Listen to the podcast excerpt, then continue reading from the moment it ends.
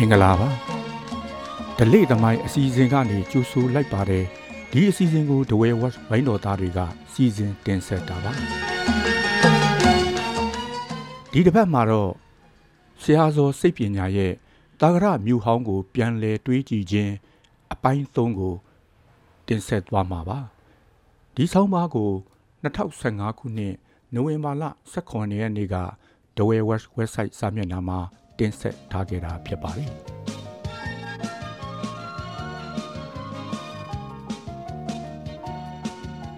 တာကရမြူဟောင်းကို ပြန်လည်တွေးကြည့်ခြင်းအပိုင်း၃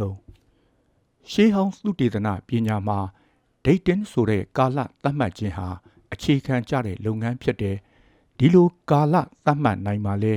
အခြားဒေသဆိုင်ရာ နိုင်ငံဆိုင်ရာရှေးရင်ကျေးမှုတွေနဲ့နှိုင်းယှဉ်နိုင်မယ်။ ယဉ်ကျေးမှုဖွံ့ဖြိုးတိုးတက်မှုအစစ်စစ်တွေကိုသတ်မှတ်နိုင်မယ်ပြီးတော့သမိုင်းဆိုင်ရာ theory တွေဖော်ထုတ်နိုင်မယ်ဒါပေမဲ့ကာလသတ်မှတ်နိုင်မှုကလည်းအလွန်ရှုပ်ထွေးပြီးအချင်းရဲ့ငွေရဲ့ပညာရက်ရဲ့အများကြီးရင်းနှီးရတဲ့အခြေအနေဖြစ်တယ်တဝဲအပါဝင်တနင်းသာရီတိုင်းဒေသကြီးတစ်ခုလုံးမှာရှေးဟောင်းသုတေသနဌာနဆိုတာ2012ခုနှစ်မှတာကရမြို့ဟောင်းထိန်းသိမ်းရေးယုံ ဖွင့်ခဲ့တဲ့ လွန်ခဲ့တဲ့15နှစ်လောက်ကတာကရနဲ့တနင်းသာရီမြို့ဟောင်းတွေကိုရဲအနှဲငယ်စီအစမ်းသဘောတူးဖော်လေ့လာခဲ့တဲ့တူးဖော်ရေးလုပ်ငန်းဆိုတာယဉ်ကျေးမှုဝန်ကြီးဌာနအောက်ကရှေးဟောင်းသုတေသနဌာနကပဲတူးဖော်ခွင့်ရှိတယ်အစိုးရရဲ့မူဝါဒကိုအကောင်အထည်ဖော်ယုံကလွဲပြီးပညာရှင်လဲနေတယ်ဘတ်ဂျက်ကလည်းမရှိဘူးထိုင်းမှာဆိုရင်သက်ဆိုင်ရာတက္ကသိုလ်ကြီးတွေနဲ့ဒေသဆိုင်ရာတက္ကသိုလ်တွေကတာဝန်ယူပြီးတူးကြဖော်ထုတ်ကြနဲ့အင်မတန်ကောင်းတယ် နိုင်ငံခြားသားပညာရှင်ဆိုရင်လည်းဖိတ်တာကတစ်မျိုးလေးလာခြင်းရင်ပူးပေါင်းဆောင်ရွက်တာကတစ်မျိုးနဲ့အတော်ကိုရှေ့ရောက်နေပါပြီတနင်္သာရီတိုင်းဒေသကြီးရှိမြို့ဟောင်းတွေကိုဒိတ်တင်းကာလသတ်မှတ်တဲ့အခါအင်မတန်ခက်ခဲတယ်စနစ်ကျတဲ့တူးဖော်မှုတွေကလည်းမလုံနိုင်ငွေကြီးကလည်းမရှိပညာရှင်ကလည်းမရှိ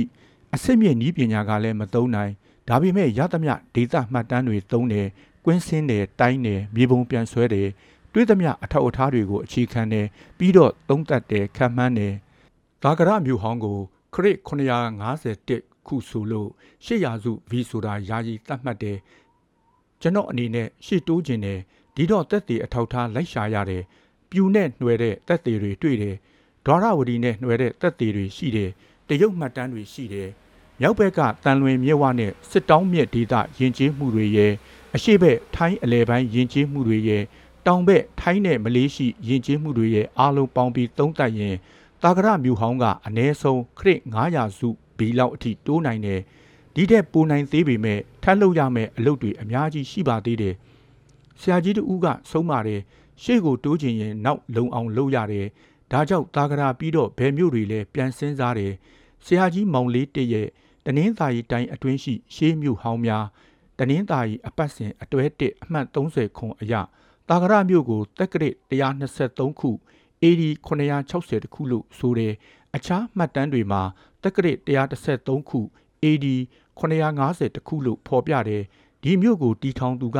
တမန်တရာဇာမင်းဖြစ်တယ်ဒီမင်းနောက်မှာတဝဲသားတွေတီးတဲ့မောင်ဇံနန်းတက်တယ်ဒီမင်းနောက်မှာဗညာပါတဲ့မြို့ဝန်မျိုးသားမင်းရှစ်ယောက်နှစ်ပေါင်း100လောက်အုပ်ချုပ်စိုးခဲ့တယ်တက်ကရစ်286ခု AD 940တခုမှာအယုဒ္ဓယတိုင်းဒွါရဝတီပြည်မှ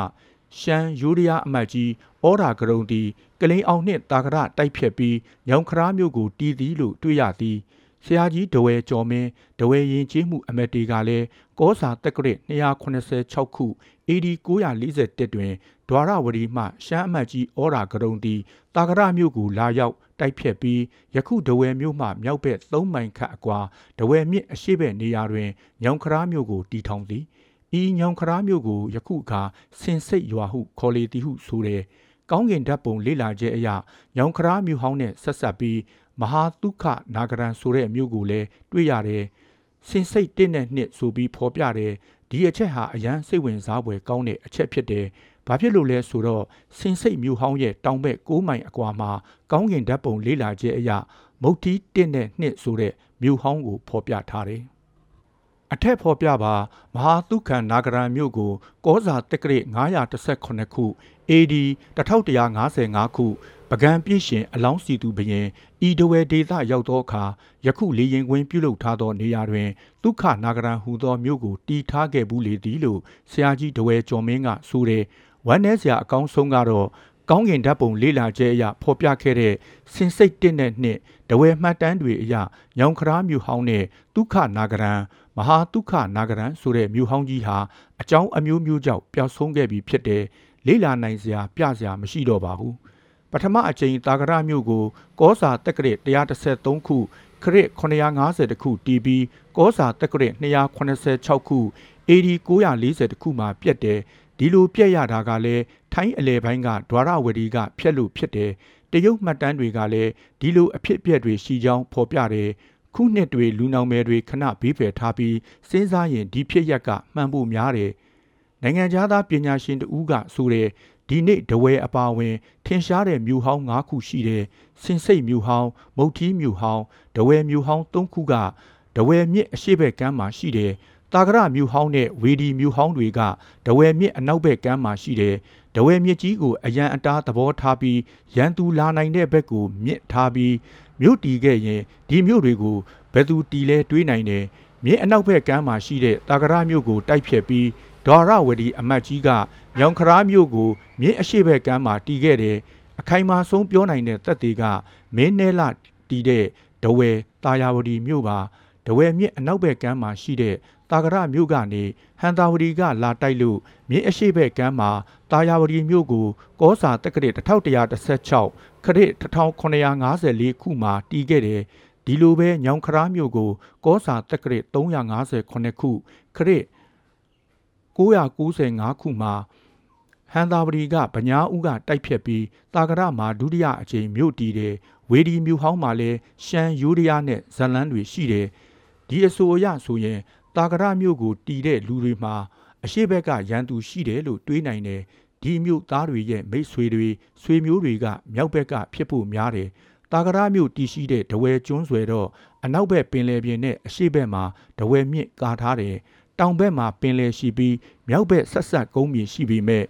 ပေ3000ကျော်တောင်တန်းရှိတယ်အစောဆုံးစာပေမှတ်တမ်းဖြစ်တဲ့ဓမ္မရာဇိကကြောက်စာ ခရစ်1196ခုထိုးအရ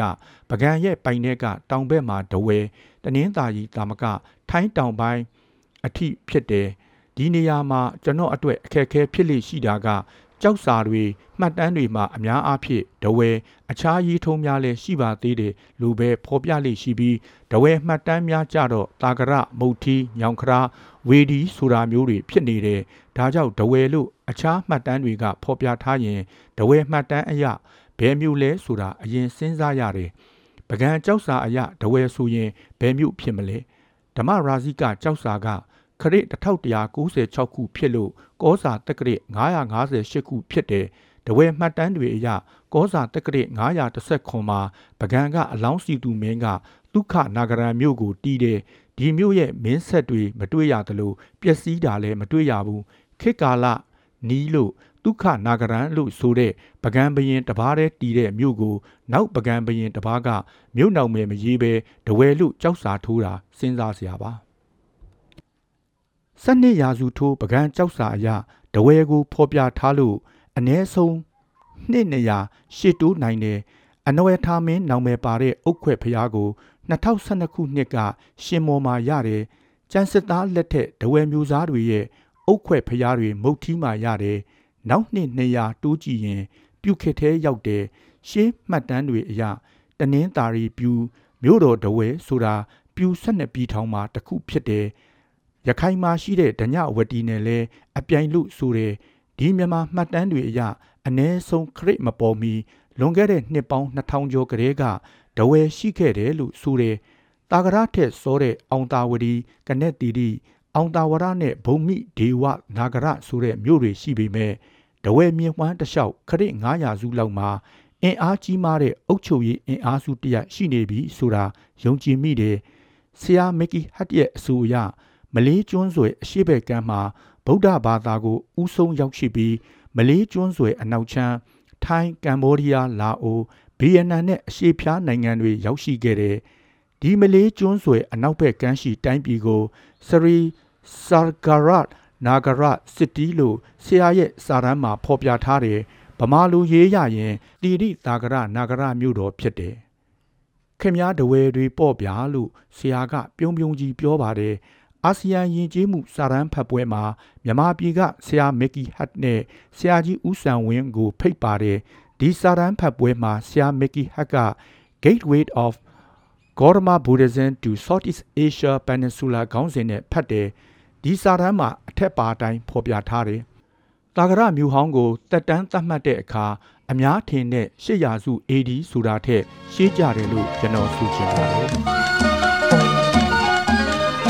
အခုဖတ်ပြခဲ့တဲ့ဆောင်းပါးကတော့ဆရာဇော်စိတ်ပညာရဲ့တာဂရမြို့ဟောင်းကိုပြန်လည်တွေးကြည့်ခြင်းအပိုင်း၃ဖြစ်ပါတယ် အခုလိုနားဆင်ပေးခဲ့တဲ့အတွက်ကျေးဇူးအထူးတင်ရှိပါတယ်ခင်ဗျာ